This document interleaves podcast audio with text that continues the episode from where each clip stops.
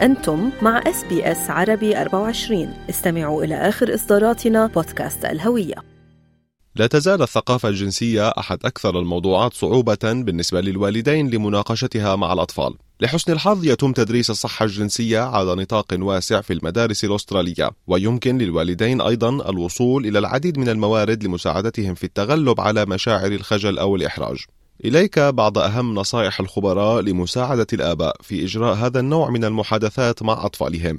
الصحة الجنسية هي جزء من الحياة العامة لكل شخص، وهي أبعد من ممارسة الجنس والحمل، فيتضمن التثقيف الجنسي جوانب من نمو الطفل إلى مرحلة البلوغ، والنظافة الشخصية والمشاعر الحميمية، إنه أيضا حجر الأساس في كيفية الحفاظ على علاقات إيجابية وصحية. يتم تعليم الصحة الجنسية في المدارس الأسترالية من المرحلة التعليمية ما قبل المدرسة وحتى العام الأخير في المرحلة الثانوية. يعتمد المنهج الوطني على نظرية نمو الطفل والتي تأخذ في الاعتبار المراحل الجسدية والعاطفية والنفسية لنضج الإنسان.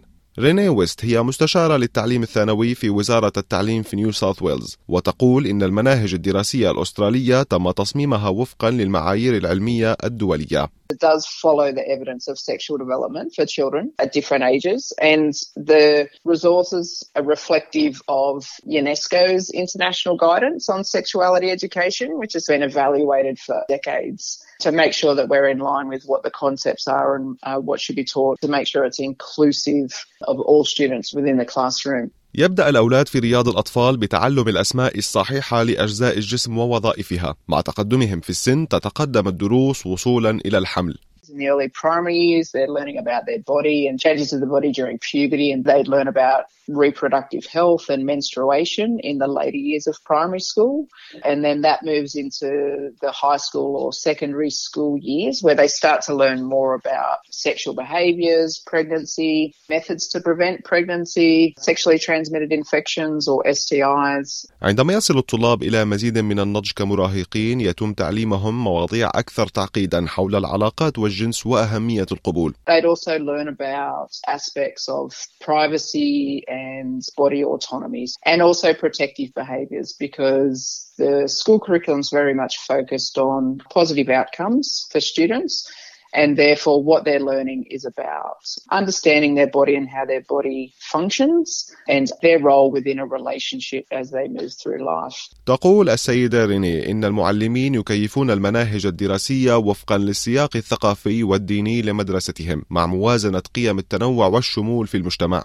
تقوم المدارس في نيو ساوث ويلز عموما بإبلاغ أولياء الأمور عندما يقومون بتغطية الموضوعات المتعلقة بالجنس وكيف سيفعلون ذلك؟ غالبا ما تصبح المدرسة مكانا لمناقشة القضايا التي لا يتم الحديث عنها في المنزل. If I'm totally honest, most young people in our classrooms, regardless of the age, they're curious and they just want to know that what's happening to them is normal.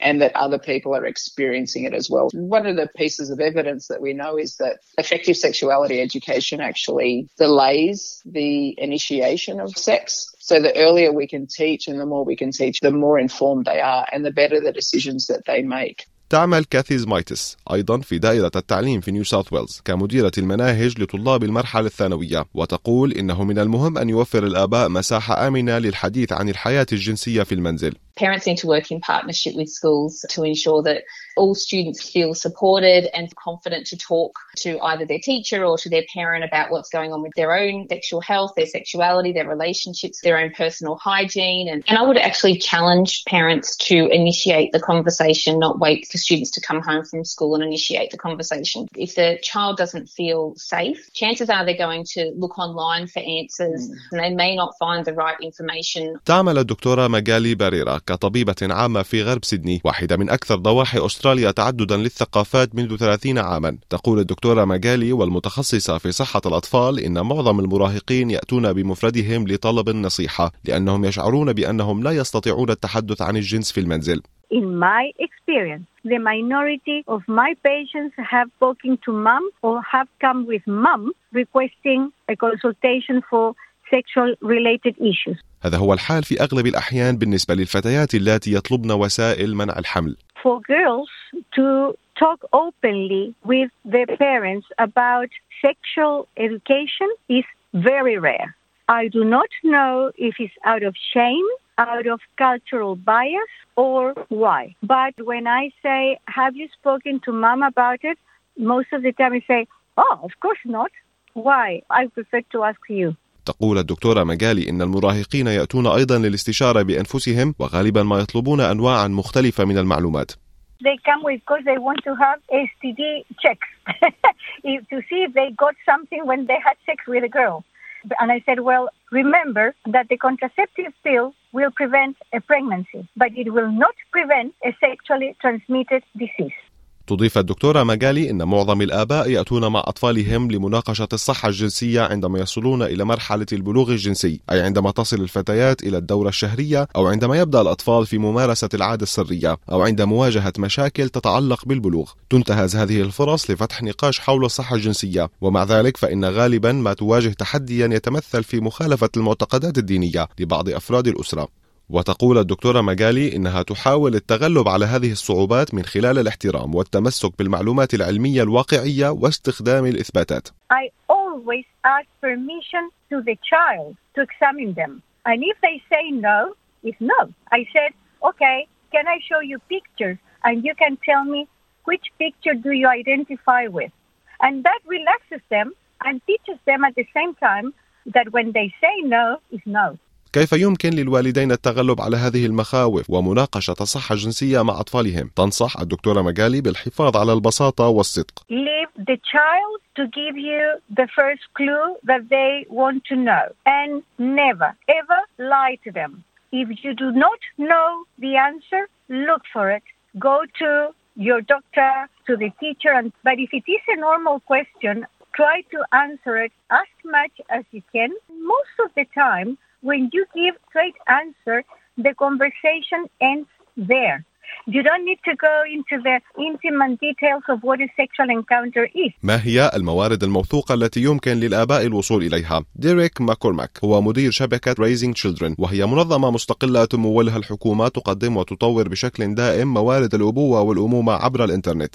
Talking about sex can be a challenge for parents if they feel a little awkward or they don't know how to begin the conversation. It also might be that they feel unprepared for the topics that might come up. What we would often advise is have those conversations early, and if that doesn't go too well, you can have them again later. So having them early and having them often can help it feel a little less awkward because you get better over time, and it can send the message to your child that sex and sexuality are healthy parts of life.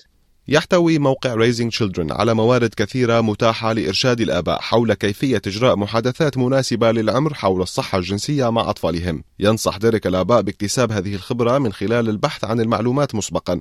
For children up to the age of eight, they might want to know how girls and boys' bodies are different, where babies come from, and those kinds of topics. And this is a good tip. They could start by asking their child what they know and what they think about those topics. children from 9 to 11 years of age, for example, might be having questions around sexuality and relationships, masturbation, and other parts of normal sexual development in that older age bracket. تشاركنا خبيرة التعليم ريني ويست نصيحة أخيرة لأولئك الذين يشعرون بالإحراج في مناقشة الصحة الجنسية مع أطفالهم. The best time to have a conversation is in the car. Mm-hmm. You don't have to look at each other, but you can't escape. استمعوا إلى آخر إصدارات SBS عربي 24 على جميع منصات البودكاست. تابعوا بودكاست الهوية في موسمه الثاني الذي يروي قصصا واقعية تعكس تحديات الانتماء التي يواجهها الشباب العربي في أستراليا.